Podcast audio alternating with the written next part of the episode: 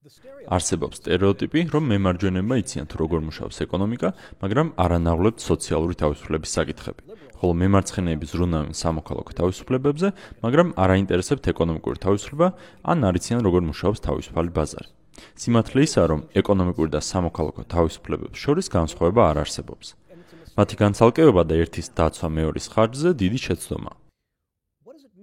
რას ნიშნავს არჩევანის თავისუფლების ქონა, თუ მე არ მაქვს ისეთი ტრანზაქციის გაკეთების უფლება, რომელიც ამ არჩევანს რეალობაში გადმოიტანს? მაგალითისთვის თქვათ, თქვენ გაქვთ სტამბა. თქვენ უნდა გქონდეთ ყველაფრის ბეჭდვის უფლება, რასაც მოისურვებთ. მაგრამ როგორ იტყვით, რომ ეს უფლება გაქვთ, თუ ვინმე გირეგულირებთ, როგორ ქაღალდზე ბეჭდოთ, ან რას აღებავით? თქვენი უფლება რომ იკითხოთ, მიბმულია სხვა ადამიანის უფლებაზე რომ დაბეჭდოს.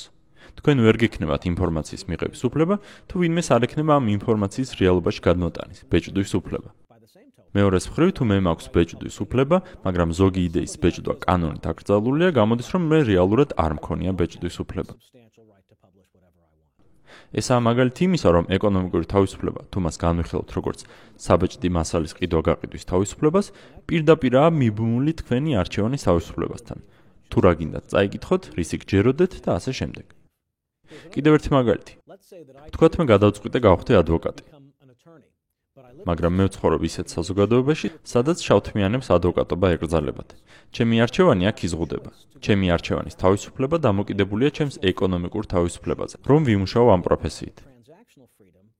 თუ მე არ მაქვს ჩემი არჩეული პროფესიით მუშაობის უფლება, მაშინ უაზრობა იმის თქმა, რომ მე პროფესიის არჩევის თავისუფლება მაქვს.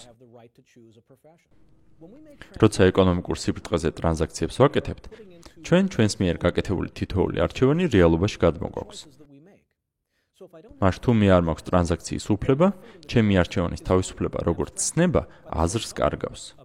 ზუსტად ისევე როგორც შეუზღუდავი და ღია თავისუფალი ბაზრის არსებობა დაკარგავდა აზრს, ჩვენ რომ არჩევანის თავისუფლება შეზღუდული გქონდეს. ჩვენ რომ არ შეგვეძლოს წავიკითხოთ ის, რაც გვინდა და ვთქვათ ის, რაც გვინდა. რეალობა ისაა, რომ ეკონომიკურ თავისუფლებასა და სამოქალაქო თავისუფლებას შორის განსხვავება არ არსებობს. ეკონომიკური თავისუფლება უბრალოდ არჩევანის თავისუფლებით მიღებული გადაწყვეტილებების ფიზიკური, სოციალური მანიფესტაციაა.